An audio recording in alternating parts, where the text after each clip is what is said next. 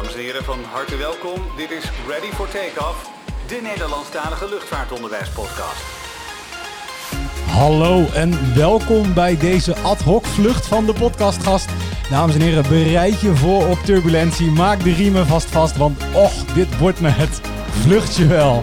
Get ready for takeoff. Fasten your seatbelts. Hier zijn Soner en Mark. Ja, en de podcastgast dus. Oh, dit is Ja. gek. Ja, raar hè? Ja, dit is heel gek. Ja, ik ben... Hier zijn Soner en Mark. Dit is nu, hier is de podcast eh, gast. Gast. hè? Ja. Ja. Hier is de podcastgast. Ja. En, en hier zijn ook nog wel eh Soner en Mark. Ja, maar je moet je toch even zelf voorstellen, denk Ik ik. kan zeggen, laat ik bij het begin beginnen. Wie is, wie is de podcastgast en waarom zit ik in hemelsnaam eh, achter de knoppen op dit Ja. moment?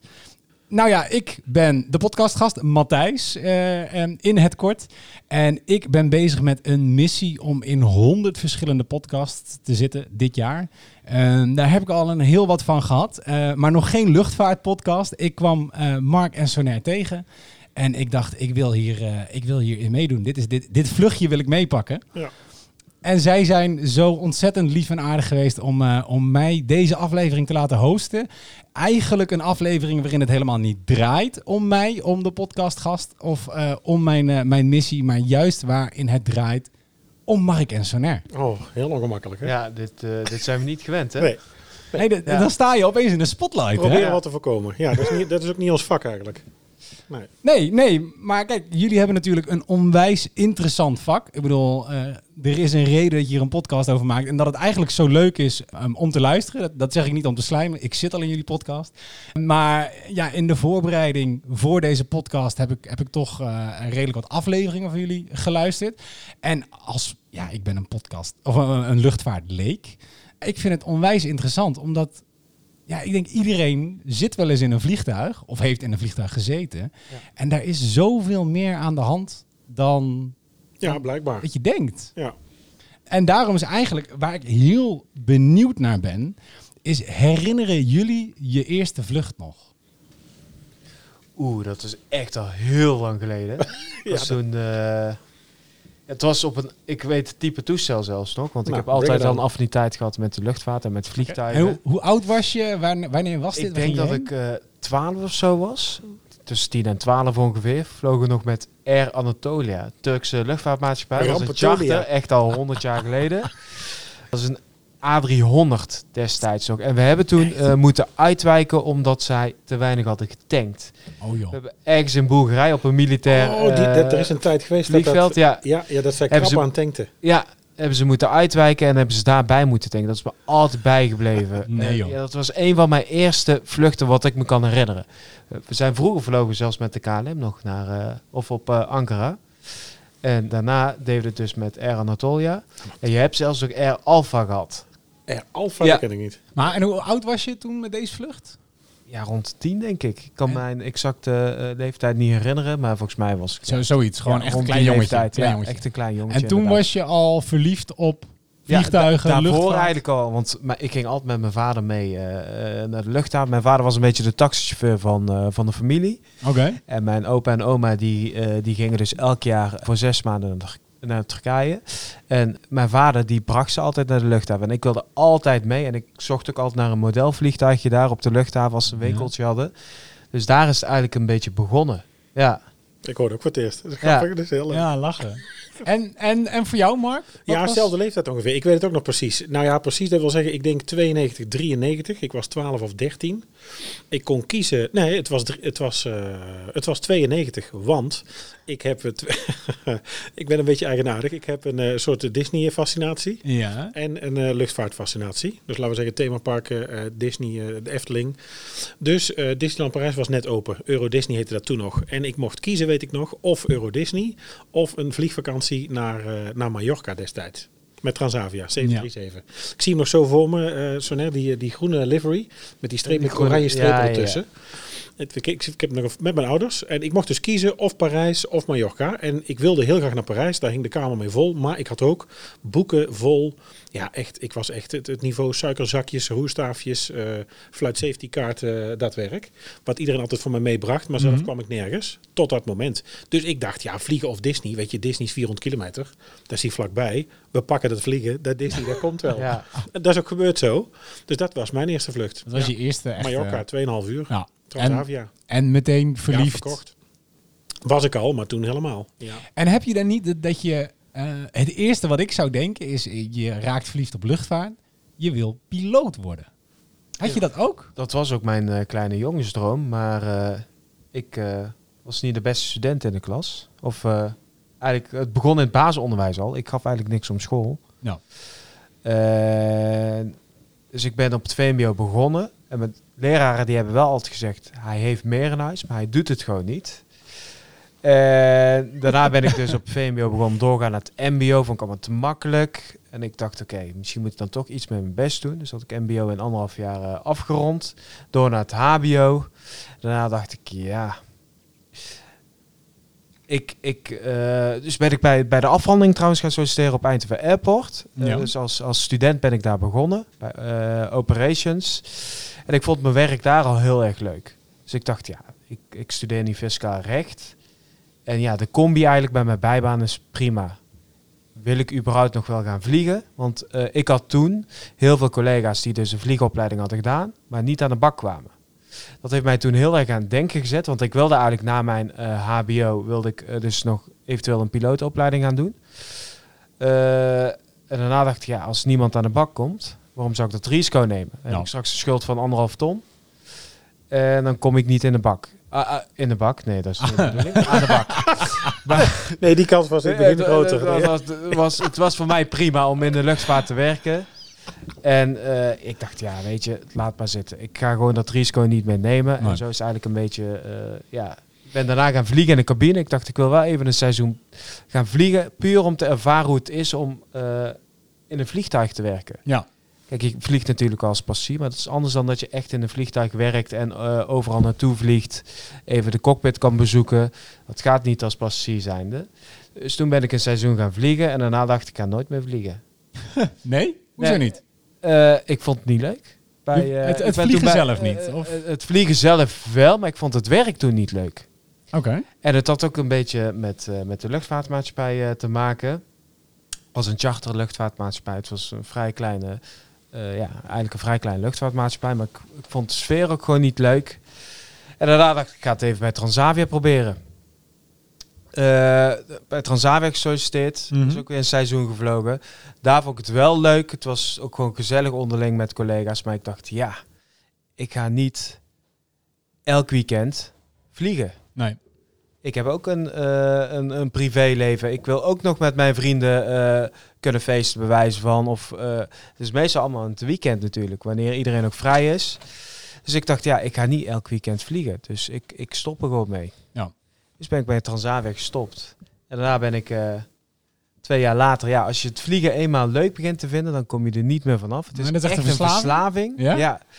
Omdat ik dus bij Transavia wel leuk vond, dacht ik, ja, het begint toch wel een beetje te kriebelen. Dus ben ik bij een andere luchtvaartmaatschappij gaan solliciteren. En daar vlieg ik nu eh 3,5 jaar met, met plezier. En eh, ja, in die tussentijd ben ik dus hier bij het Summer College gaan solliciteren. Ik zag dat ze op zoek waren naar instructeur destijds. Eh, dus ik dacht, ja, het is eigenlijk wel een gave combi om dan ook nog eens je passie eh, mee te geven aan de studenten. Ja. Hoe mooi is het als je dat ook nog eens kan combineren? Dat je dus nog in het werkveld blijft eh, werken, dus eigenlijk blijft vliegen en ook nog eens eh, les kan gaan geven. Ja, je moet, je even Ja. solliciteren zo, Matthijs. Ja, ja, Ja. ik denk het. Hij heeft zijn diploma net gehaald. Hij is Ja. officieel docent. Daarom Ik ben nu officieel laat docent, expres ja. even instructeur vallen. Ah. Nee, nu ben ik officieel docent. En dit is echt de beste combi ever. Vroeger dacht ik altijd, wil piloot worden. Ja. Maar ik ben echt wel blij met, met de mogelijkheden die ik nu heb. Hè. Dat ik dus Ja. voor de klas gaan, kan gaan staan. En ook nog eens kan gaan vliegen. Was het misschien ook moeilijker geweest als piloot, of niet? Dat je dat, je het Ja. combineert. Moet je dan niet... Ja, dan word je standaard eh, instructeur voor... Ja, voor je kan als piloot kun je ook eh parttimen. ja. Of je kan instructeur worden inderdaad. Dan leid je gewoon eh, studenten op die echt willen vliegen. Maar het is toch anders om in het mbo te werken. Nee, dat kan ik me voorstellen. Ja. Kan ik me voorstellen. En, en voor jou, Mark? Ja, Eh, ook piloot, tuurlijk. Dat is natuurlijk, ja, dat is, dat is echt de jongensdroom is piloot.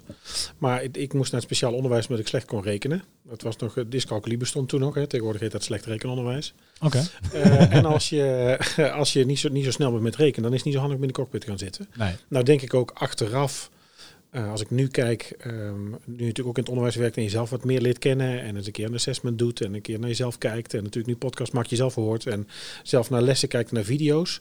Ja, of ik nou echt rustig kan blijven om in de cockpit alles te regelen bij echte paniek. Als het mis zou gaan? nou weet je, dat, dat, daar hebben we het wel vaak over gehad. Hè? Ook wel de mensen die we te gast hebben gehad, met name vliegers. Ehm, nou hoop ik niet dat ik, dat ik vliegers zeer doe.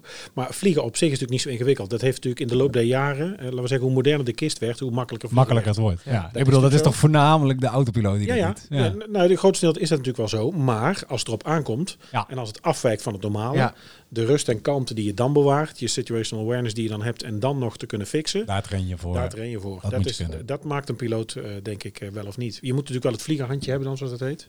Ja. Nee, ik wilde dat wel, maar dat zat er gewoon niet in. Dat, dat, dat kon toen wiskundig gezien, eh, rekenkundig, eh, was dat geen succes. Nee. En ik ben opgegroeid in de horeca, daar ben ik terechtgekomen. Eh daar ben ik ook blijven doen. Uiteindelijk bij Defensie, ehm, eh, ja, we komen misschien nog op, maar de, de, natuurlijk een onderwijsbevoegdheid gehaald. Daar was toen geen ruimte, toen gaan vliegen.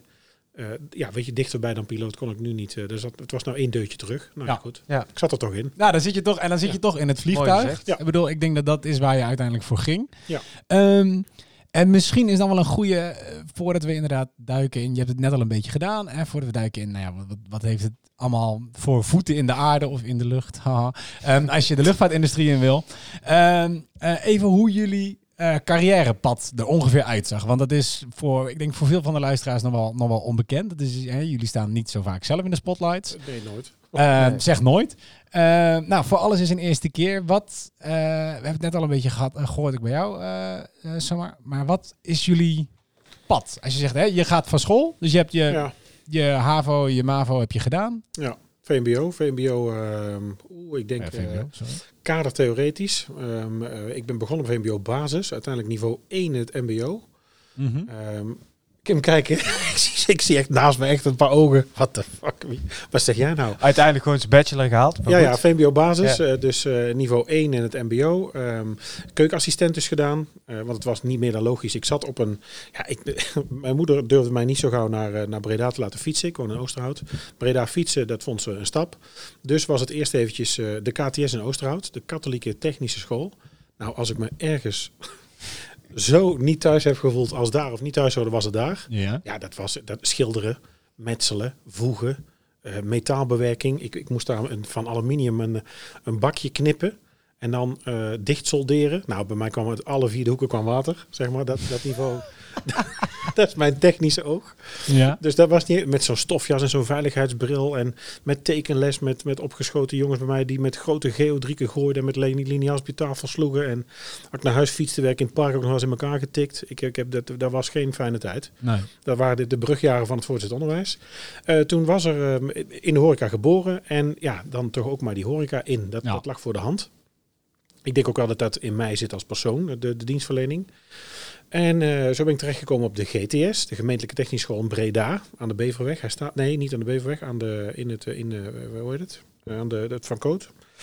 Ehm, eh, en die, eh, dat is een, een kokschool. Eh, VMBO en dan eh, gericht op consumptieve techniek, dus koken en serveren. Ja. Dus ehm, eh, meestal een avond in de week, ehm, de ene week bediening, de andere week keuken. En dat deed je een avond per week en dan kwamen mensen eten. Ja.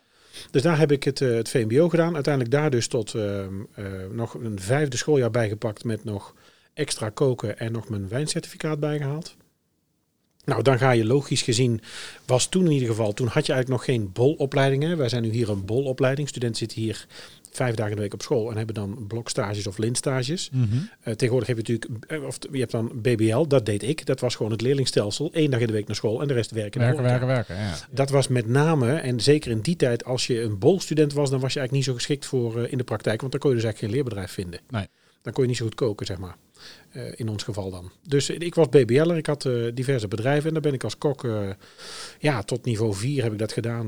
niveau 4 kok op school, ehm, eh, één dag in de week naar school en de rest van de week werk in de horeca. Maar, maar hoe kom je dan van de keuken naar het vliegtuig. Ja, toen ben ik in 2000 bij, de, bij Defensie begonnen. Ik leerde mijn vrouw kennen, die kwam bij ons stage lopen. Ja. Eh, en dat waren verhitte toestanden in de koelcel. Oh. Eh, wij zijn aan elkaar eh, blijven plakken. En haar, haar vader, mijn schoonvader, zat toen al, ik denk al 20 jaar, 25 jaar bij de grootste kampeerclub van Nederland. Bij Defensie. Ja. Bij de luchtmacht. zat bij de bewapening. toen ook bij de helikopters. Kwam bij de F-16 vandaan en, en zo. En dan ga je eens kijken met een open dag, met een familiedag. En dan denk je, hé, hey, ze hebben hier ook een keuken. Hey, dit is ook horeca, maar dan weer een heel andere tak. En een beetje ja. wat spannender en toch richting het vliegen. Nou, zou dat niet wat zijn? Nou, dat geprobeerd. Ben ik als burger begonnen op de vliegbasis Schilzerijen. Eh, als burger in de keuken. Dus als Mhm. burger in dienst bij Defensie. Nou, als burger bij Defensie toch zeker in de keuken. Ja, dan weet je, dan ben je toch... Ja, je blijft een nukebu. Ja. Dat is een afkorting voor een nutsloze kutburger.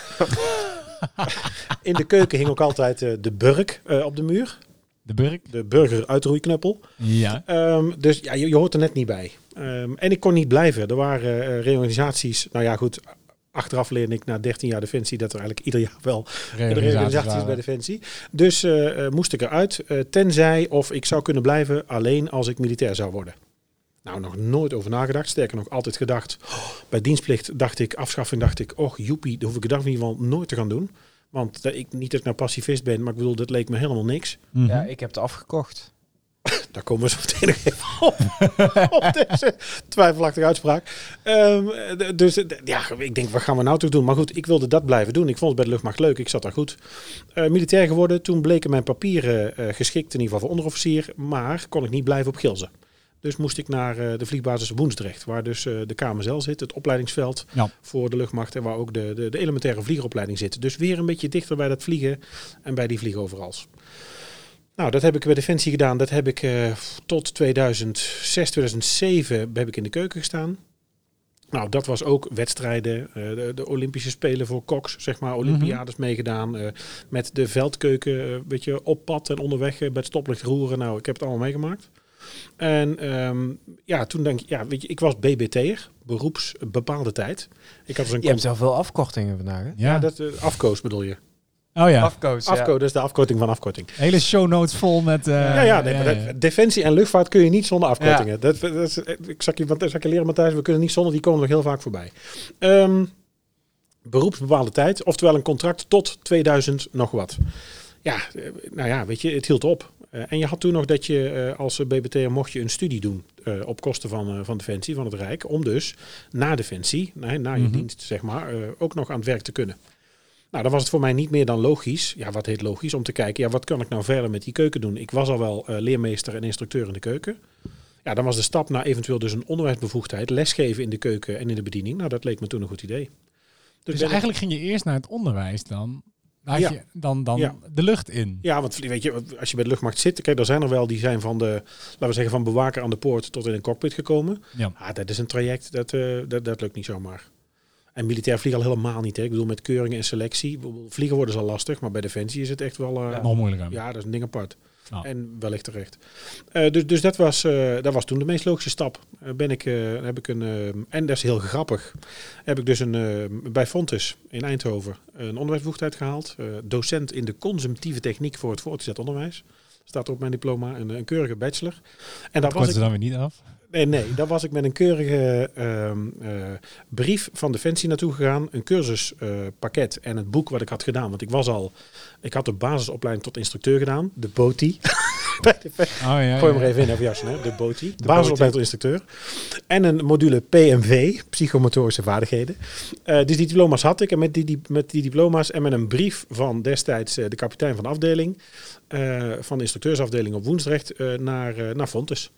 En daar kreeg ik warempel eh vrijstellingen mocht ik beginnen in je leerjaar drie. Zo. Eh, de opleiding bestond eigenlijk uit vier jaar. Sommige mensen moesten er zelfs vijf voor doen. De voorbereidende opleiding, de VL. Eh, ik mocht in leerjaar drie beginnen. En dat heb ik ook nog eens versneld afgerond. Want ik was dus de januari daarna, na anderhalf jaar, was ik uiteindelijk ben ik afgestudeerd. Dat is klaar. Was ik klaar. Maar toen was er geen werk in het horecaonderwijs. Dat waren allemaal nog mannen, laten we zeggen, waar ik zelf les van had gehad. Eh, grijze kerels die er al 30, 40 jaar zaten. En daar zat eigenlijk weinig of geen beweging in. Dus er was geen werk in te krijgen. En toen stond er een vacature voor cabin attendant, voor steward. Toen dacht ik, ja, dit is potverdomme, dit, nou moet het gebeuren. Ja. Weet je, ik heb Ja. in de keuken gestaan, Magisch was ik zat. Eh, mijn studie zit erop. Eh, ik heb nu eigenlijk niks te verliezen. Er is nu even geen werk in de horeca. Eh, in de horeca, qua defensie was ik beu. Daar hadden we inmiddels ook weer Paresto gehad. De Paarse Restauratieve Organisatie. Mhm. Ook weer een reorganisatie eigenlijk. Dus ja, dat zou, ik, ik had inmiddels was ik naar Den Haag had ik een tijd, had ik twee jaar gewerkt op de, de, de kazerne van de landmachtstaf. Ik heb eh, twee of drie jaar gewerkt op de Vergentkazerne bij de Mariniers in Rotterdam. Ja. Nou, auto's versleten. En eh, ja, en dan erbij als luchtmachter in een marinierskeuken. Nou, dat is alles in looppas en eh, nou ja, goed. Mensen schreeuwen de hele dag tegen je, dus dat, dat, dat vond ik niet echt wat. Dus, dus dat hield ook wel ergens op. En toen kwam die vacature voor cabinet bij de luchtmacht, eh, gestationeerd op de vliegbaas Eindhoven. En ik dacht, nou, ik reageer. Nou, Daar hadden wij blijkbaar achteraf, eh, eh, blijkbaar achteraf gereageerd met 85 mensen. Er was plek voor één iemand. Ehm, ik kwam tot de laatste vijf. Dat zijn dan de gesprekken. Ehm, en zo bij de laatste. En uiteindelijk eh, werd ik gebeld dat ik het niet was geworden. ei.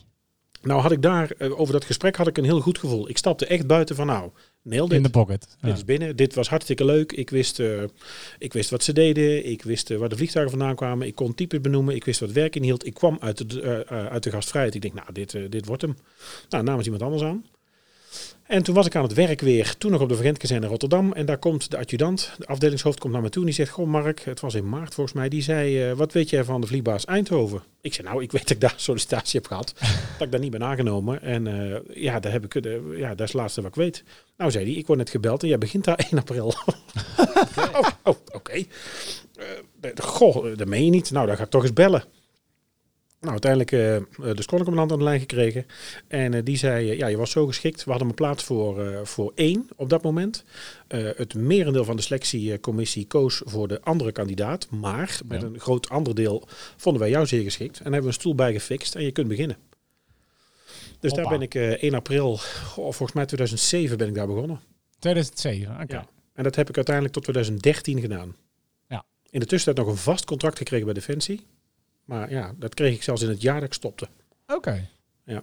En, en toen, toen uiteindelijk toch gestopt? Ja, ja Ehm, toen alles, en- alles gedaan, alle toestellen gehad, alle bestemmingen gehad, eh, alle grote mensen van de wereld gevlogen. En eh, toen dacht ik, ja, weet je, en nou dan? Weet Ja. je, weer een reorganisatie, er zat geen beweging in. Ik had natuurlijk papieren om officier te worden, maar ja, geen vak om officier in te worden. Nee. En binnen de afdeling eh, kon of mocht ik niet doorgroeien.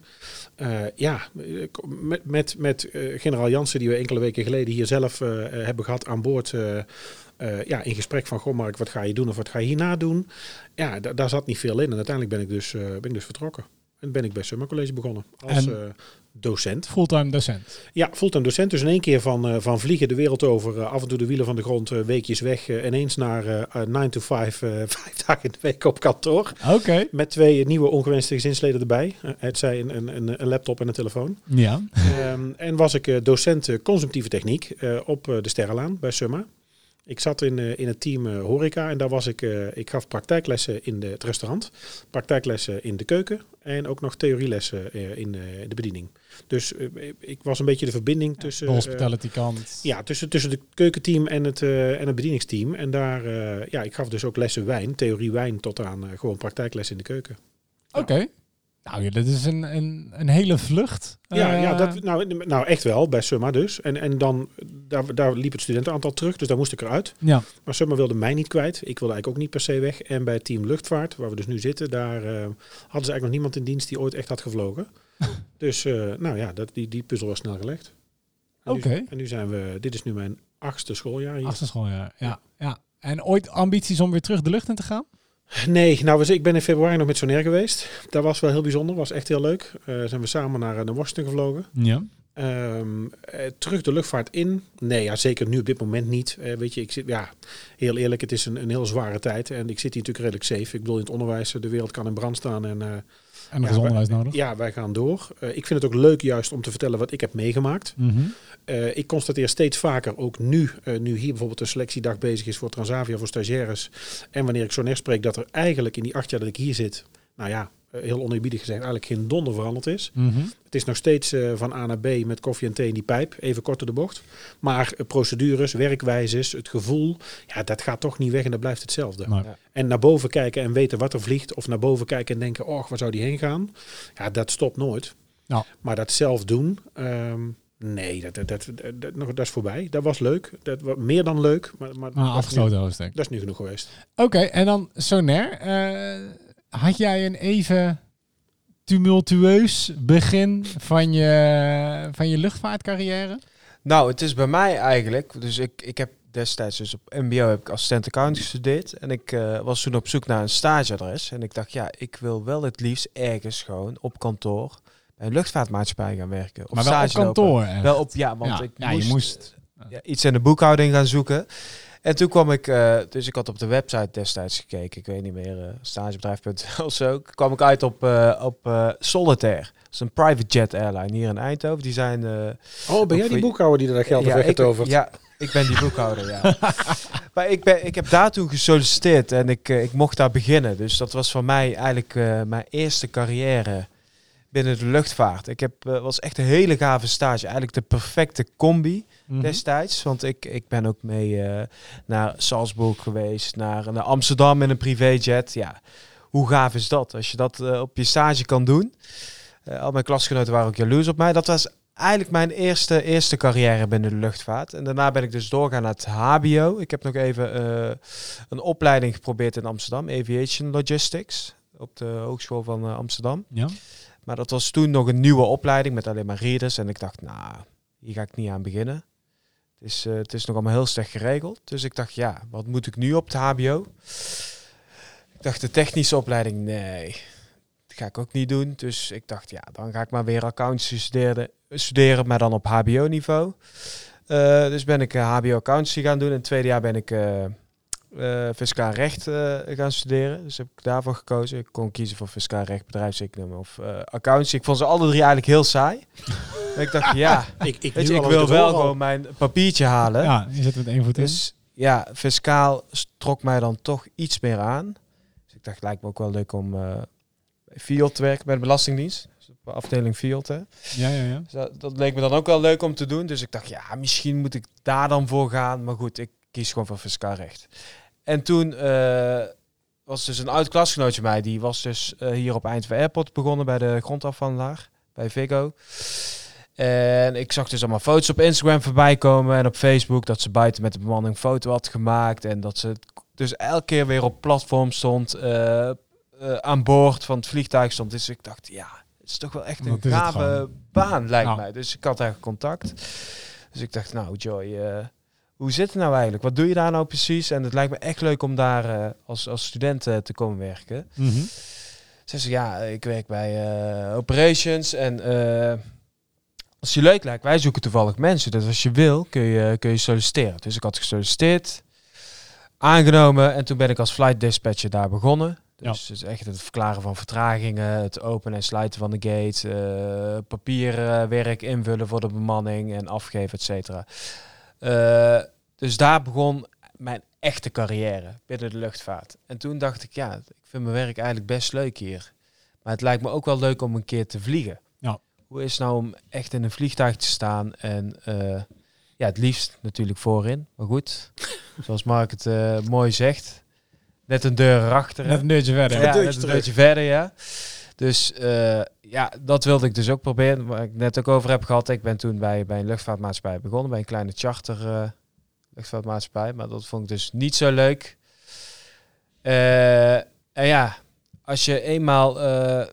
daarna dus bij Transavia begonnen. Vond ik echt super leuk. Maar elk weekend vliegen, dat zat, zat er niet in. En ik dacht, ja, kan ik überhaupt nog wel bij een luchtvaartmaatschappij vliegen waar ik grip op mijn rooster heb? Dus een Ja. oud collega van mij, van die eerste luchtvaartmaatschappij, die was dus eh, daar begonnen. En die zei, nou, Sonne, als je hier komt solliciteren, ik heb gewoon grip op mijn rooster. Als ik een weekend vrij wil zijn, kan ik een weekend vrij zijn. Dus ik dacht, nou, Dat lijkt me wel wat. maar ik was net gepromoveerd bij de afhandelaar. Ik was teamleider loodcontrole geworden. Eh, dus ik dacht, ja, maar ik heb nu eigenlijk best een goede baan. Wil ik dat risico wel nemen? Maar ik dacht, ja, maar ik mis dat vliegen toch. Best erg. Best wel. Dus ik dacht, ja, ik ga het toch proberen. Geprobeerd, aangenomen, best choice ever hoor. Nu weer 3,5 jaar verder. En, eh, en zeker met de combi hier, hè. Ik heb dus Summa, ja, hoe heb ik eigenlijk Summa leren kennen? Hadden dus eigenlijk heel veel stagiaires. Mhm. eh, bij, bij de grondafhandelaar. Ik vond het gewoon leuk om mijn ervaring ook te delen met, met, met, eh, met de stagiaires. En, en zij wisten dat ik had gevlogen. En ja, veel studenten van ons willen ook vliegen. Ja, als ze dan iemand kunnen spreken eh, die het al heeft gedaan, ja, dan... eh, maar doordat ik dus continu mijn ervaring aan het delen was, merkte ik ook gewoon dat ik het leuk vond om, om het te doen. En dat was voor mij, dat heeft mij aan het denken gezet. En ik zag toen de vacature voorbij komen bij Summa. Ze waren op zoek naar een instructeur. En toen dacht ik, ja, maar ik heb nog geen vast contract. En ik kan nu ook nog niet parttimen, want dan kom ik nog niet voor een aanmerking. Dan moet je minimaal een half jaar voor vliegen. Dus ik dacht, ja, jammer. de eerste keer heb jij niet De gereageerd, eerste keer toch? heb ik niet gereageerd. Toen Sylvie hier was aangenomen. Ja. En daarna dacht ik, ja, ik probeer het later. Gewoon, een keer. ja. Als ik een vast contract krijg en ik kan parttimen, dan ga ik het gewoon proberen. En de luchtvaart blijft groeien. Eh, dus ik dacht, de opleiding gaat dan ook vast wel groeien. En toen, een paar maanden later, ging de vacature weer open. En ik had een vast contract. Dus ik dacht, ja, dat lijkt me echt wel leuk om, eh, om daar eh, les te gaan geven. Toen was ik aangenomen. Zwangerschapsvervanging. Ja, zwangerschapsvervanging. Het was nog even spannend voor mij of ik eh, mocht blijven natuurlijk. En uiteindelijk mocht ik blijven. En ik heb toen ook aangegeven, nou, mijn ambitie is wel om echt docent te worden. Ja. Ik ben overigens ook in mijn laatste jaar HBO gestopt voor het vliegen. Mhm. Het fiscaal recht. dus ik dacht, ja, ik moet eigenlijk wel... niet?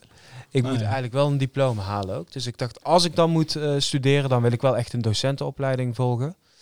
En die mogelijkheid heb ik ook gekregen. En eh, dus eigenlijk, ja, vorige Dat week... moet oké. eh, Je mag één jaar zeg ja. maar, onbevoegd voor de klas. Dat wil zeggen, dan moet je wel bezig zijn. twee jaar. Ja. zelfs, Twee jaar. En dan moet je wel Ja. een diploma hebben. Daarna moet je een diploma Ja. hebben. Oké, ja. Toen ben ik een docentenopleiding gaan volgen. Vorige week dus afgestudeerd. En eh, als Gefeliciteerd. mij ligt, eh, dankjewel. Dan eh, wil ik dit eh, levenslang blijven combineren. Echt, maar echt de combinatie. De combinatie, echt ja. in de lucht blijven. Ja, ik vlieg gemiddeld twee keer in de maand.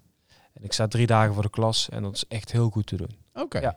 Cool. Het studie hierbij was iets zwaarder. Maar ja, daar ben ik nu mee klaar. En het is echt goed te doen. En ik ben altijd up-to-date. En dat maakt het lesgeven ook leuker en makkelijker. Ja, en je hebt natuurlijk wel meteen verhalen. Eh, ik kan me voorstellen, hè, de situatie op de hele wereld en zeker in de luchtvaart is flink veranderd Ja. sinds, we, sinds we COVID hebben. En je kan er niet alleen over vertellen, je maakt ook letterlijk bij jou op vluchten mee hoe, ik neem aan, de luchtvaartindustrie verandert. Ja. Ja, su- super gaaf. Ehm, en dan ben ik eigenlijk benieuwd wat je eh, alle dingen eh, terzijde zelf het liefst al had willen weten voordat je de luchtvaartindustrie inging. Dus als je één ding moet kiezen waarvan je denkt, shit, als iemand mij dit had verteld, zoals ik heb nooit grip op mijn rooster, of eh, wat had je willen weten? Oh, dat ik het niet had gedaan. Ja, of dat je, nee, dat iemand jou verteld had, misschien had je inderdaad wel een andere keuze gemaakt, of... ehm, Nou, dus ik, ik kan niet zeggen dat er iets is tegengevallen. Nee. Nou, wat wel zwaar was, ik vond wel eh, onze afwisseling was bij de luchtmacht enorm groot. Dus het kon zijn eh, vandaag terugkomen Dubai, overmorgen Amerika en andersom. Dus dat is vrij heftig met, eh, met jetlag en nachtrust. Dat denk ik, eh, dat is vol te houden hoor. Ik bedoel, je, je went daar aan, dat leer je. Ehm, maar zoals jetlag voelt, daar kunnen alleen maar mensen over praten die het echt hebben gehad. En dan weet je, dat je, hoe, je hoe je er dan bij zit. Ja, mee eens. Ik heb, Dat is, misschien is dat de, ja, het gebrek aan... Nou kan ik goed tegen... Ja, dat anderen zullen zeggen... Mijn vrouw zal zeggen, ik kan helemaal niet zonder slaap. Nee, ik kan...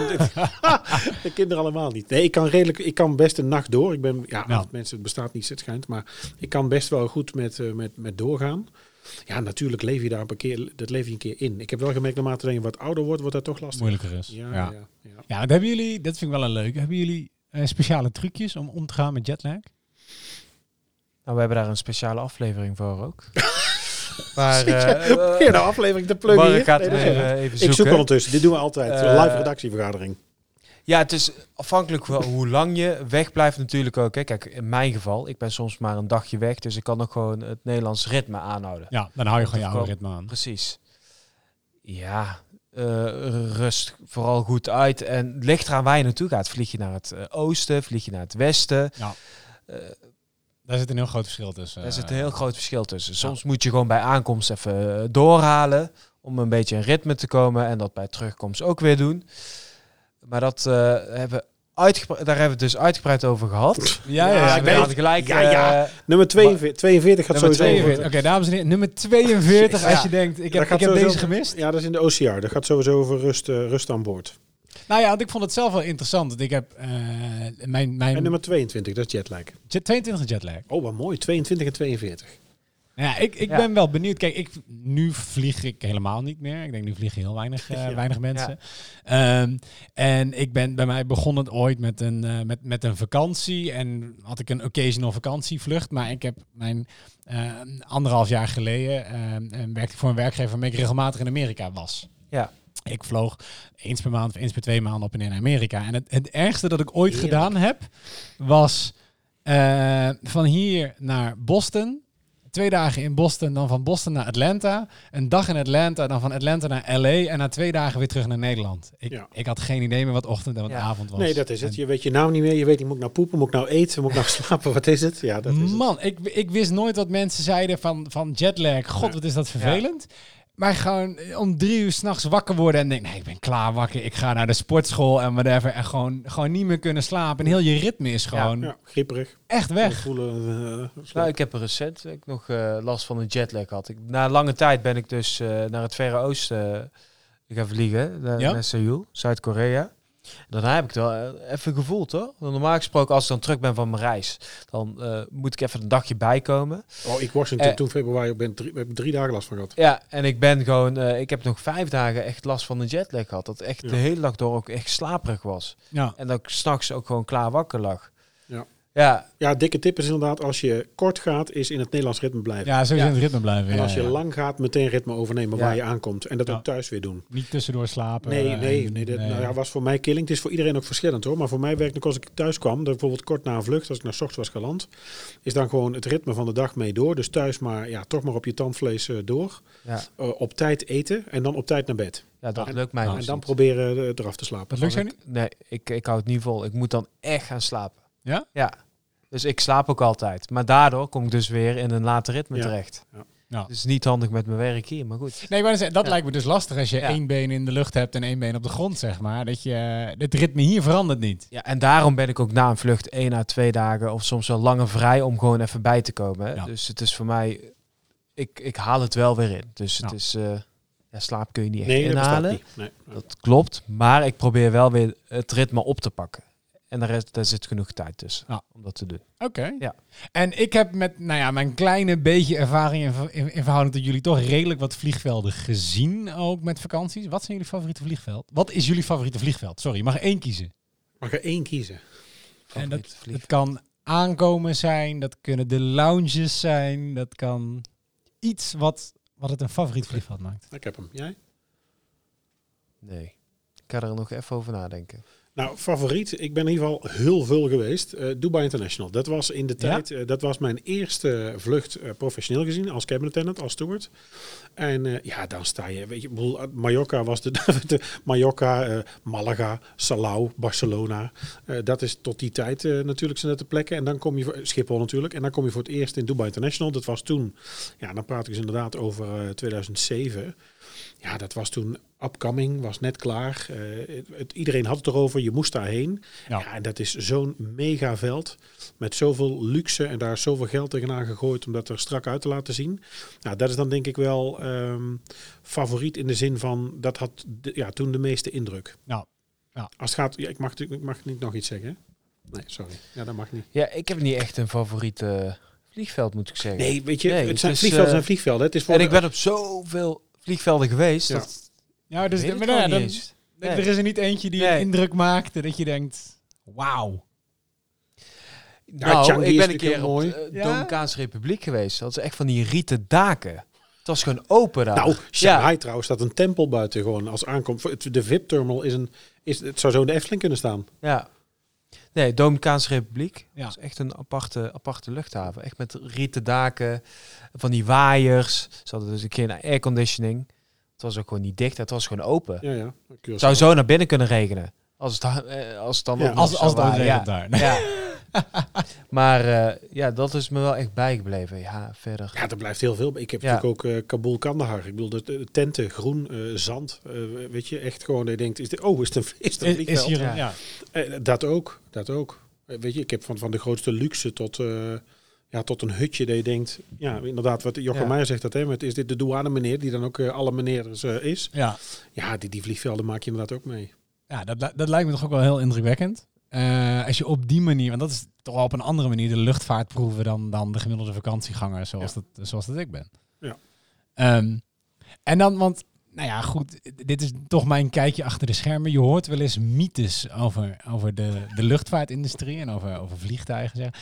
Als er een mythe is die je zou willen debunken, misschien omdat je die vraag op iedere verjaardag krijgt van een of andere verre oom, is er een mythe waarbij je denkt, nou, dit, dit, moeten we, dit idee moeten we echt de wereld helpen? Die heb- Nou, ik heb vorige week nog iemand eh, gehad met de vraag... Dat was de schoonmaakster van hier trouwens. Oh? Ja. Oké. Dat, eh, dus wanneer iemand eh, ja, een grote beurt eh, of een grote behoefte heeft eh, gedaan op het toilet, of, of, de, of de drollen dan naar Ik denk, beneden je gaat de grote beurten ontkrachten. Ja. Of het naar beneden valt. Of het naar beneden valt. een beetje blue ice is dat toch? Ja. Maar, en ja, oké, dat is wel bijzonder. Dat mensen dat ook nog denken, dat ja, het kan. Die vraag heb ik echt al vier keer of zo gehad. je bedoelt of poep en plas echt naar buiten Ja. valt? Ja, ja, ja oké. Zoals in de trein, dat vroeger ook gebeurde. Ik ging er een klepje ja. open. Ja. Nee, dat is dus niet zo. Nee. Gaat gewoon naar een tank. Het gaat gewoon aan het denken Ja. en er wordt er gewoon, als hij geland is, wordt het eruit gehaald. Oké. Nou, ik heb er eigenlijk twee, maar die gebruik ik ook vaak tijdens lessen. Dat is eh, luchtzakken. Ja? Ja, er zijn natuurlijk, weet je, het is natuurlijk, eh, ja, dan moet ik uitkijken dat wat ik ga zeggen dat ik mensen over me heen krijg. Maar je hebt natuurlijk eh, plaatsen waar minder lucht of minder luchtweerstand is. Je kunt, je kunt dan wel eens, het vliegtuig kan natuurlijk wel eens met autopiloot of als ik aan het vliegen zijn natuurlijk best wel eens wat zakken. Ja. Maar mensen die er boven honderden meters vallen en honderden meter zakken, nou, weet je, dat kan echt niet. Het voelt Nee. misschien zo. Ja, maar- dat, dat klopt. Je zit Ah. 13 kilometer of 10 kilometer boven de grond en je gaat met 900 per uur. Dus dan voelt een speedbumpje of dan voelt een, eh, weet je, een klein beetje zijwind of een klein beetje andere luchtweerstand. Ja, dat voelt natuurlijk enorm heftig aan. Ja. Maar je valt geen honderden meters. Dat is echt onzin. Nee. Nee, die. En eh haak er nog in. Dat eh, alle stewardessen met, met piloten... Bedoel je Ja. dat? Of, eh, Nee, die bedoel ik niet. Maar ga jij verder als je wil. beetje Mile High Club. eh, nee, dat is ook onzin. Maar dat, eh, dat denken ze ook altijd. Nou, dat is echt geen onzin.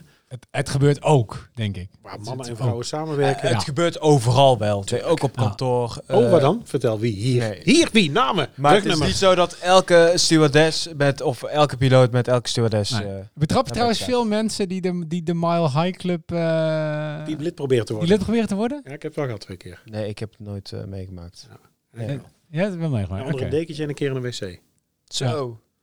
Maar wat doe je dan? Want dan kan je het er niet... Ja, dan grijp je dan in. Even kloppen. en, eh, afknijpen, jongens. Bedoel, Nee, vraag hem er toch alsjeblieft mee te stoppen. Kijk, onder een dekentje in de, tijdens een nachtvlucht hebben mensen daar niet zoveel last van. Hè, dat maakt natuurlijk, ja, dat- nou, het ligt een beetje aan de handelingen. Het ligt, een- ik wou het zeggen. ligt een beetje aan de soort handeling die verricht wordt. En de hoeveelheid mensen die meedoen. Nee, het toilet ga je wel vragen van, goh, luister eens eh, even, hou op, eraf. Dit is niet de bedoeling. Nee, Ja. Nee, ik geloof Je krijgt er niet dat direct de ons- boetes voor. Ik vraag gebeurt. voor een vriend hoor. Maar je krijgt er niet direct de boetes vraag voor of zo. voor een vriend. Nou, als dit bij ons was gebeurd, dan was je denk ik echt op staande voet ontslagen. Dit is echt een Ja. no-go. Nee, maar als, Nee, perso- als personeel snap ik het. Maar Ja. een passagier... Oh, een passagier bedoel je? ja. Stel, jij betrapt iemand... op- Krijg je daar Nee. een boete voor? Of krijg je daar een... Ja, er is natuurlijk een systeem dat je voor een overtreding, hè, voor iets wat niet zou mogen, kun je een notice krijgen. Kun je een Ja. briefje krijgen van de, van de captain. Ja. Eh, en dan kun, ja, het zou kunnen dat je voor iets wordt aangehouden of opgepakt eh, als je weer terugkomt. Dus dat je wordt overgedragen naar Marseille. Dat zou Ja. kunnen. Ja. Feitelijk is dit, denk ik, ik weet het niet precies, dus als iemand het weet, stuur het gerust op. Maar ik denk dat dit eh, schending van de, van de eerbaarheid is, openbaar. Ja. En ik denk dat het zou kunnen dat je een briefje kunt krijgen en dan zou je er wellicht een boete voor kunnen krijgen. Maar, Maar niet dat jullie ook kennen. Niet nee, dat nee, het nee, sowieso niet dat ik weet. En Ja. ik denk, eh, als ik over nadenk, ja, boetes geven voor mensen die, eh, die, die kussen, vogelen, friemelen onder een dekentje wat je toevallig ziet. Weet je, dan begin je ermee, dan moet je de deken er al afhalen, wil je bewijs leveren. Eh, of je moet echt al handelingen heel duidelijk zien. Ja. En om daar de mensen op aan te gaan spreken, achteraf nog eens, en bijvoorbeeld ook buitenlandse toeristen, om die te overdragen aan de Marseillais met van, god, eh, die waren aan het fozen. Ja. Nou, ik denk dat ze heel erg hard lachen en denken, ja, joh, het zal wel. Laat lekker zitten. Ja. Ja. Ja, En dan ehm, eh, een mythe die ik zelf, of die ik ooit op internet tegenkwam. En Oh, ik niet er nog één trouwens. hè. Oh, sorry. Ja, nee, ja, nee, ga voor, ga nee, voor. Misschien de, de, noodlanding. In de pers wordt alles... Oh, noodlanding. Met gescheurd cockpitramen, agressieve passagiers, bevalling, mensen ziek. Alles heet een noodlanding. Nou, dat zijn voorzorgslandingen, denk ik. Eh, noodlanding is als we echt zeker weten dat het fout gaat en we niet weten wat de afloop is. Nou. Dat is een noodlanding. Ja. Eh, als we gecontroleerd eh, toch moeten gaan zakken, uitwijken om welk technisch probleem dan ook. Dat is in principe een voorzorgslanding. Nou. Maar ik snap dat natuurlijk de pers noodlanding graag kopt, want dat tik je eerder aan. Ja. Dat is gewoon clickbait. Clickbait. Ja. Ja, ja, dus dat is wel eh, iets wat ik dan ook zou willen meegeven. Nou, dan, dan, de mythe die ik tegenkwam of ooit gelezen heb, ik kon hem ook niet zo 1, 2, 3 eh, eh, eh, terugvinden. Dit stond ergens op Reddit. Ehm, het geven van chocola. Hebben jullie daar ooit iets over gehoord? Het geven van chocola? Ja. Nou, vertel. Nou, het schijnt dus zo te zijn, maar ik weet niet of het alleen voor Amerika geldt of wat dan ook. Dat, dat als je als ehm, eh, personeel eh, zeg maar, met een andere vlucht mee moet, hè, omdat je, je moet terug hier naartoe of zo, je krijgt een andere vlucht. Ja, ja. Jij geeft bij binnenkomst een doos met chocolaatjes en een knipoog om aan te geven dat je personeelslid bent. En hoppatee, je zit in de eerste klas zodra ze Oh, ruimte hebben. Nou, dat niet. Dat ik denk niet, je wordt niet gelijk eh, in een eerste klasse gezet. We hebben wel, en dat is wel, eh, dat is een, een traditieding. Oké. Ik heb dus ook de vlucht dat ik met Sonair mee was naar, eh, ik heb ook gewoon voor ticket betaald. Maar ik was met Sonair mee eh, naar Washington. En ik heb dus voor de bemanning, hebben we dus voor de vlucht op Schiphol, hebben we dus eh, chocola gekocht. Ja. Vrienden of familie die met mij meegaan, die moeten dat ook altijd van mij meenemen. Want het is gewoon een traditie. Oké. Dus, eh, weet je, het is niet... Je wordt echt niet zomaar in de business class geplaatst, toch? Nee, bij nee, ons nee. niet. Ik weet niet hoe dat bij andere luchtvaartmaatschappijen eh, gaat, maar bij ons word je echt niet daarom. Nee. Maar ik geloof wel, want dat is wat ik van collega's wel heb begrepen, als zij dan met Delta of zo vliegen en ze nemen wat lekkers mee, ja, dat de kans vrij groot is als er plek is dat ze dan eh, in de business class eh, Ja, terecht Je bent te terecht gast. Ja, je bent te Ja. gast, je bent mee. Ja. Het is, eh, ja, wat, wat ik ook, we hadden ook wel collega's die dan eh, bijvoorbeeld het crewlabel aan hun tas eh, expres voor op de buik hielden. Of lieten zien dat ze, dat ze bemanning waren. En ik heb ook wel collega's gehad die dan, als wij civiel ergens heen gingen, hè, we hadden natuurlijk onze eigen militaire kist. Maar we werden ook wel eens ge- gere- of geprepositioned, alvast opgestuurd. Of alvast hè, dat wij naar, eh, stel ik ga naar, eh, de kist moet naar Australië. Dan vloog ik vast naar de Malediven. Dan kwam de kist daarheen. We ruilden daar van bemanning. En dan vloog ik door naar Australië en dan terug. Dus dan moest je alvast zelf daarheen vliegen. Nou. Met de KLM of met de Emirates of wat dan ook. Eh, en, en die dan bijvoorbeeld eh, inderdaad het crewlabel voor hun buik houden. Of het heel overdreven laten merken dat ze ook in de luchtvaart zitten. Ja. Weet je Die wel, vind oh, ik juist irritant. Ik wou zeggen, dat, is, dat zou volgens mij juist allergie werken. Oh, Ja. Want iedereen die niet in de luchtvaart werkt, heeft het gewoon over stoel 14D. Maar mensen die in de luchtvaart werken, die hebben het heel vaak over stoel 14 Delta. Ja. Dus dan valt het op als je het Ah. NATO-spellenalfabet gaat gebruiken. Denken ze dan van, oh, dan laat ik even merken dat ik, wij zijn van dezelfde wereld. Bij mij is echt puur Maar die, gaan juist, die gaan juist bij de wc. Als ik een chocola, als ik chocola meeneem, is gewoon puur waardering. Ja. Ik weet hoe hard het werken altijd Ja. is. En eh, weet je, dat, dat verdienen ze gewoon. En als ik een keer een chocolaatje krijg, ben ik er ook altijd super blij mee. Een Dus extraatje. ja, ja. Ja. Nou. Weet je, dat doe je gewoon voor elkaar. Ah, je krijgt ook Eh, wel iets van terug. Dan toch iets, een Ja. extra catering of een, een extra flesje drinken of een extra Ja. glaasje. Nou, dus de, ik wil zeggen, dit, dit wordt nu opgevangen door, door luisterend Nederland. Volgende keer dat jij vliegt, heb je zo'n rij met dozen chocola we vast. hebben straks Eh, al die passagiers. eh, iedereen chocola mee. mee. Nee, van wat Thijs luister, wie goed doet, wie goed ontmoet. Ja. Ja. Ik denk als je, eh, eh, dat hoeft niet per se in de luchtvaart te zijn, als jij in een restaurant komt of eh, jij gaat eh, ergens anders heen en eh, jij brengt iets mee voor hetgene waar je bent, ja, dat heb je toch een ander gesprek. Ja, dat is natuurlijk altijd het is toch een opening. Nou, en ik wil niet ja. Zeggen dat iets oplevert, maar het is toch leuk om dat te doen. En nu vertelde je net over, nou ja, aankomen vliegen toch ook op vliegvelden waarbij je denkt, is, is dit wel een vlieg, Ja. is dit wel een vliegveld? Ja, ja. Eh, ja. Ehm, ik ben een beetje op zoek naar, naar enge vluchtervaringen. Weet je, hè, een- luchtzak, een turbulentie waarbij... Er zijn er momenten Ja. geweest dat je dacht, dit gaan wij niet... eh, ik, ik weet niet of ik vanavond thuis ben. 25 oktober 2018. Oh, dit is heel... eh, dit Ja, is- Dit nee, is heel 25 specifiek. Op mijn verjaardag. Op Oh. mijn verjaardag Wat gebeurde er toen? heb ik een luchtzak meegemaakt.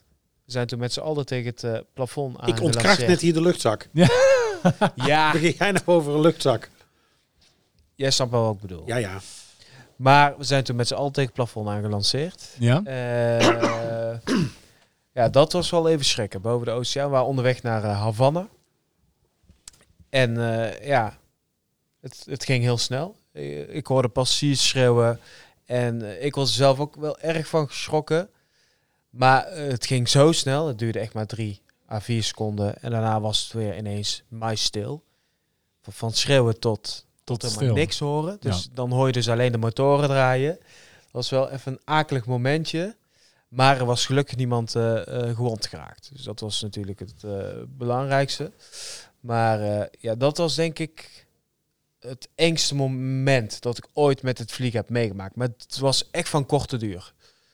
En ik kan dan wel vrij rustig blijven. Ik blijf altijd kalm.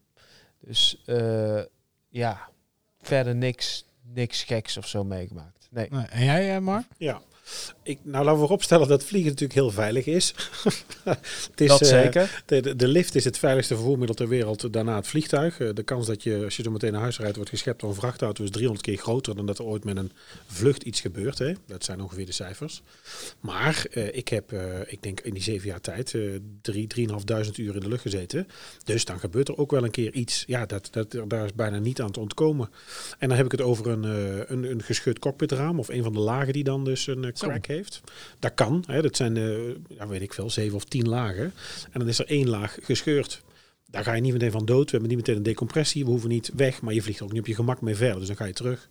Ik heb eh, heel veel rookontwikkeling gehad uit de oven. Meer omdat er stickers in brand stonden eh, dan, echt, dan echt eten.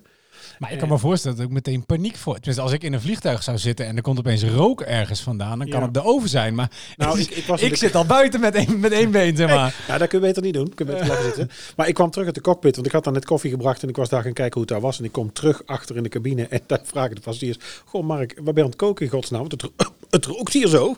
Ik denk, oh shit, dan heb ik dat. Dus hup, dan die oven uit en dan laat je het even dicht staan. Dan gaat over het algemeen, als het al brandt, gaat het uit. Want die oven, daar kan er weinig zuurstof bij. Dus dan, hè, als de branddriehoek, als je één zijde weghaalt, dan stopt het. Ja. Brandstof, zuurstof en brandbare stof, dan, dan stopt het wel. Eh, hitte, dan stopt het wel. Ja. Ehm, Dus dat dat was zo uit en dan kun je dat uitleggen. Hè, dat het een sticker was op een maaltijdboxje, waar dan dus het maaltijdboxje wel geschikt is voor de oven, maar de sticker niet. Het cockpitraam is gewoon een kwestie van landen. We zijn een keer door een, eh, nou echt een flinke birdstrike gehad ehm, in Afghanistan. Echt door een, een zwerm spreeuwen. Gewoon de hele cockpit was gewoon bloedrood. En eh, Zo. voorkant van de vleugel en ook één motor zat vol. We zijn gewoon geland, niks aan de hand. De vliegeigenschappen van het toestel veranderen op dat moment eh, niet zo gek veel aan. Maar dan sta je daar en dan moet er iemand komen uit Amerika die met een boroscoop, met een, eh, met een kijker in die, in die motor gaat om vast te stellen dat het oké is. Eh, dat. En wel één keer een, ehm, eh, een heftige ehm, nou ja, luchtzak, turbulentie. Ik sta met een trolley klaar en met een theepot in mijn hand. Ehm, eh, onderweg naar Suriname weet ik nog. De fire status van, eh, van Suriname veranderde. Dus we moesten naar, eh, naar Curaçao toe uiteindelijk zou dat worden. En ja, daar komen wij in onweersweer terecht. Buiten zie je dus inderdaad mist. Je ziet de, vleugel, de vleugeltips eigenlijk niet meer. Alleen maar mist en nevel. Eh, ik sta klaar om broodjes uit te gaan delen. Ja, we, we- ik vlieg met trolley en al tegen het plafond. Eh, dus ik heb een zweefmoment, zeg maar. En daarna klap ik keihard weer terug en lig ik ineens plat bij de deur met eh, alle broodjes overal en mijn theepot leeg. Wauw. Dus dat is wel, dat is dan schrikken. Ja.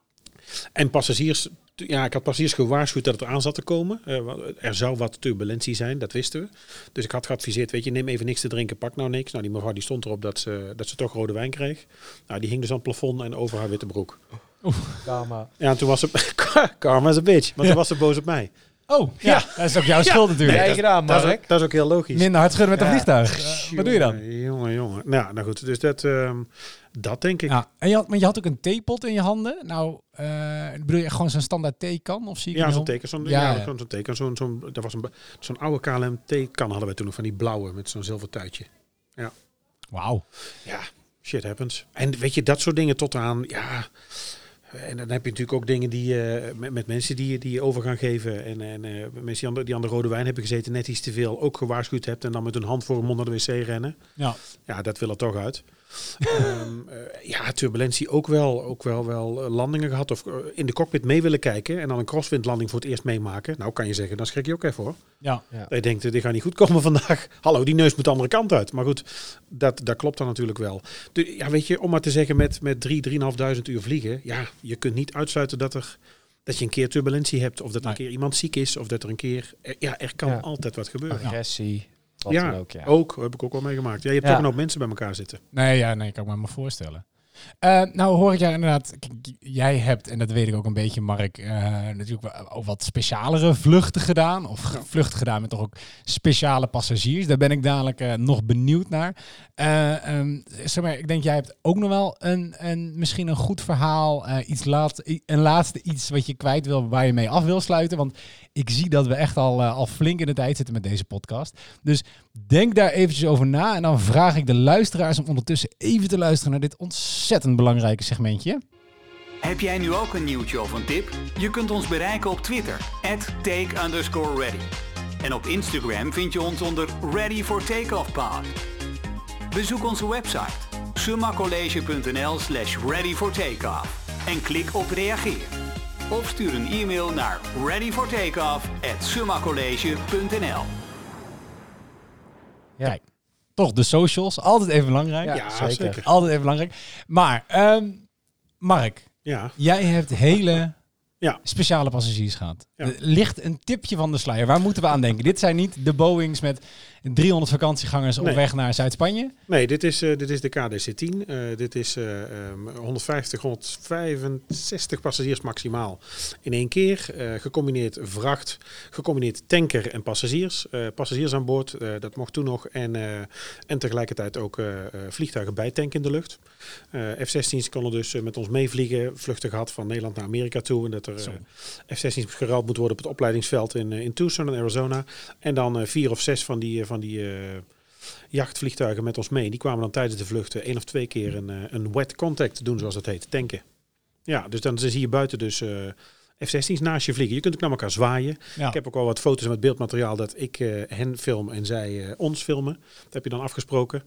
Eh, dat, dus daar ben ik de KDC-10. Ehm, dat is bij de luchtmacht dan. Daar begin je dan met vliegen als cabin attendant. Uiteindelijk ben ik daar ook op geworden. Ehm, dan ga je naar de, de Fokker 50. Dan wordt het al VIP-vervoer. Dan ga je generaals, hooggeplaatsten van Defensie, hooggeplaatste mensen uit de regering vliegen. wat delen van het Koninklijk Huis. En eh, dan kon je uiteindelijk nog naar, eh, naar de Gulfstream, de business jet met maar 12 eh, mooie wit leren stoelen erin. Hij staat nu volgens mij op, op verkoop bij de luchtmacht. Ze willen graag een nieuwe. Ehm, en dat is echt ja, het koninklijk huis, van de koning tot de, koningin en de koningin destijds. En ehm, ja, ambassadeurs. wie is het geweest? Jan-Peter Balkenende. Rutte ook wel gevlogen. Frans Timmermans. Ban Ki-moon, secretaris-generaal van de NAVO. Karzai heeft bij ons aan boord gezeten. de president van Afghanistan. Eh, wat ambassadeurs. Eh, het, lijkt me dat je daar toch net wat anders mee omgaat dan met, eh, met het gemiddelde. Ja, je hebt dus ook echt een, ook een VIP-protocol. Je hebt er ook een, het is een, stuk, een, een klein stukje aparte opleiding voor. Ehm, en met name dat je weet hoe je met die mensen omgaat. Niet zozeer dat je naar een school moet en een cursus krijgt, maar echt even hoe je dat dus wel aanpakt. Nou. Dat je zelf niet je hand uitsteekt, maar dat je wacht tot het Koninklijk dat zelf doet. Wat de aanspreektitels zijn. Ehm, ja, dat soort dingen. Wauw. Ja. Toch wel, wel tof om ze van zo dichtbij dit dan mee te maken. Ja, dat is heel Maar- apart. Maar ik moet ook wel zeggen, de eerste keer, je, je weet natuurlijk dat je gaat vliegen, want ik bedoel dat je hebt een vluchtopdracht en er staat een naam op het passagiersmanifest. Dat wil zeggen een code. Er staat niet echt een naam. Dus het is niet eh, voluit eh, geschreven. Mhm. Ehm, en je weet dat je ze gaat vliegen eh, de avond van tevoren. Maar goed, het moment dat je dan de eerste keer in de kist staat en de koning of de koningin eh, pakken de, eh, de reling van de trap vast en ja, je weet dan dat ze binnen acht stappen bij jou staan. Ja, dat is toch de eerste keer een gek moment. Ja. En dat wordt normaler. eh, in de zin van je weet wie het zijn. Je hebt dan ook wat vaker met ze gevlogen. Je kent, ehm, nou, je weet hun wensen. En je weet wat ze wel, eh, wat ze graag willen of wat ze juist niet willen. Eh, dus dan wordt het ook wel makkelijker om mee om te gaan. Ja, worden dan ook, ook persoonlijker? Of blijft daar altijd wel echt een hele duidelijke scheiding tussen, weet je, jij bent een dienstverlener en zij zijn natuurlijk een koninklijk huis. of- vooropgesteld dat natuurlijk iedereen van het Koninklijk Huis eh, een keurige opvoeding gehad heeft en in principe natuurlijk eh, goede beleefdheidsvormen eh, hanteert. Ja. Ehm, ja, het wordt wel iets persoonlijker, maar heel persoonlijk als in we gaan bij elkaar zitten en we slaan elkaar op de knieën, we vertellen een verhaal. Dat is het niet. Even een biertje en dan, eh, Ja. kom Willem, eh, vertel even een leuk verhaal. En Hey, dan, majesteit, gaat bier halen? Nee, Ja. dat, dat, dat, wordt het sowieso, dat wordt het sowieso niet. Bij een aantal leden die je vaker vliegt of die je meer ziet, eh, is er natuurlijk wel herkenning. En is er wel een vraag met hoe het gaat, of hoe het met je is, of hoe het thuis is, of hoe het eh, verder met je gaat. Ja, Oké, ja dat wel. Interessant. Eh, heb jij ook nog zo'n eh, speciaal verhaal, nog iets dat je zou willen delen in deze podcast? Een speciaal verhaal? Nee, niet. Ja, ik heb, ik heb wel eens bekende, bekende mensen aan boord gehad. Ja? Eh, Maar die ook gewoon met gewone vluchten dan toch wel meevliegen? ja, Want bij mijn idee is iedereen de- die een beetje rijk is... business class, Ja, oké, class. wel eens een business Ja. class. Ja, ge- en volgens ge- mij recent, de laatste die ik heb Duitse cruise heb, volgens mij. Ik denk net voor COVID heb ik haar nog een keer aan boord gehad. Ja. ja, ze is nou natuurlijk viroloog. Ja. Dus nou- Nee, verder, eh, ja, Ja, ik heb niet echt hele bijzondere... Ja, maar wat heet Ja, bijzonder? Wij ja. hebben natuurlijk heel veel. Ik heb heel veel koninklijke huizen, heel veel ministers, staatssecretarissen, heel veel eh, artiesten op een bepaald moment ook, omdat we natuurlijk voor eh, hè, dat die, die gingen optreden in Afghanistan. Ehm, dus, dus echt heel veel mensen waarvan je zo zou zeggen: Oh ja, wat vet en wat gaaf. En ik vraag om een foto en handtekening. Nou, dat kan dus allemaal niet. Nee, Dat doe je niet. dat lijkt regel 1. Alle passies zijn wel bijzonder. Maar, nou, Overal dat- zit weer, weer, weer een, verhaal, verhaal, ja. achter. Ja. Zeker als je... eh, dat, dat is ook... Ik denk eh, een van mijn krachten ook. Ik ga ook echt kletsen met passies. Kijk, nu met COVID is het natuurlijk anders. Ja. Moeten we zo snel mogelijk eh, de cabine weer uit of, eh, of het gangpad uit. En normaal gesproken ga ik altijd even praten met de passies. Oh, goh, u zit aan boord, waar gaat u heen? Noem maar op. Er zitten soms echt de mooiste verhalen achter. Ja. En, en dat heel maakt veel, het werk ook zo bijzonder. Ja, en heel Ja. veel bijzondere passagiers willen helemaal niet bijzonder zijn. Dat is ook mijn ervaring. Nee. Dus zij worden als bijzonder gezien. Zij worden als, eh, laten we zeggen, als, eh, ja, als apart iets in een hekje of in een hokje gezet of, of binnen een hekje gezet dat er niet aan mag komen. Maar over het algemeen vinden zij gewoon normaal het prettigst. Toch zeker Nederlandse, Ja. hè, laten we zeggen, bekende mensen. het is vaak eh, het niveau eh, daarna of, er, of wat ook naast mij zit, wat, wat bijvoorbeeld in de beveiliging zit of wat eh, assistent is of, of meehobbelt. Die doen vaak spannender dan de, de VIP eigenlijk De zelf. VIP zelf, ja. Ja. Ja. Uiteindelijk zijn het ook maar mensen. Ja, en dat is echt, Precies. dat is echt zo. Ja. Ook, weet je, ik heb Zelfs boord- Koningshuis. Ja, die gaan ook gewoon aan boord naar het toilet. Of die komen ook in gemakkelijke kleding aan boord en eh, Ja. eh, kleden dan om en zien er dan weer uit als het plaatje wat jij van tv kent. Eh, Oh, maar dit is tij- tijdens de vlucht is gewoon eh, joggingbroek, eh, t-shirtje en dan... eh, Dat kan ook wel eens, ja. Ja? Ja, Dat vind ik dan wel weer leuk om te ja en een grappig detail wat ik heel erg leuk vond, waar ik nou, nou, niet van schrok, maar wat mij opviel, ehm, waar je dan op een gegeven moment gaat weten hoe de wereld een beetje werkt met een aantal Mhm. dingen, is als ze uitstappen. ehm, ik heb dat gezien met, eh, met minister-president eh, destijds. Je komt aan in, eh, nou, ik noem wat in Shanghai, moesten wij toen zijn. En daar staat natuurlijk de ambassadeur en de militair attaché en wat medewerkers van de ambassade. En, nou, en wat mensen dan die dan uit Shanghai komen, of in ieder geval van de, van de Chinese overheid of wat dan ook.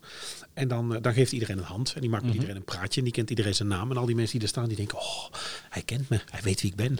ja, doei. Dat boek lag dus bij mij aan boord. Ja. Dat zijn dus die vier velletjes, die A4'tjes, of dat boek met het voorbereiding van het, van het staatsbezoek of de voorbereiding van het, eh, van het werkbezoek. En daar staan foto's en namen achter en functies. Ja, Dus dat heeft hij net twee minuten geleden nog even erin geramd. ja. En dan zegt hij buiten, goh, hi Matthijs, hoe is het? ja, even vragen naar de hond. En eh, Ja. deze is op vakantie geweest. Maar die info eh, heeft ja. hij net gekregen. Ja. Waarmee ik niet wil zeggen dat ze niet warm zijn of niet echt. Nee, Maar je nee. kunt onmogelijk van... Tuurlijk, je kan niet zoveel mensen kennen. Nee, weet je, als je kijkt naar... We hebben destijds, ehm, sorry, heel veel Frans Timmermans gevlogen. Eh, buitenlandse zaken, de minister natuurlijk. Ja, daar, ik, nou, ik, ik zou bijna zeggen, er is geen plek op de wereld waar we hem niet naartoe gebracht hebben. Ja, die kan natuurlijk onmogelijk iedereen kennen die daar Tuurlijk. aan de trap staat. Dat gaat niet.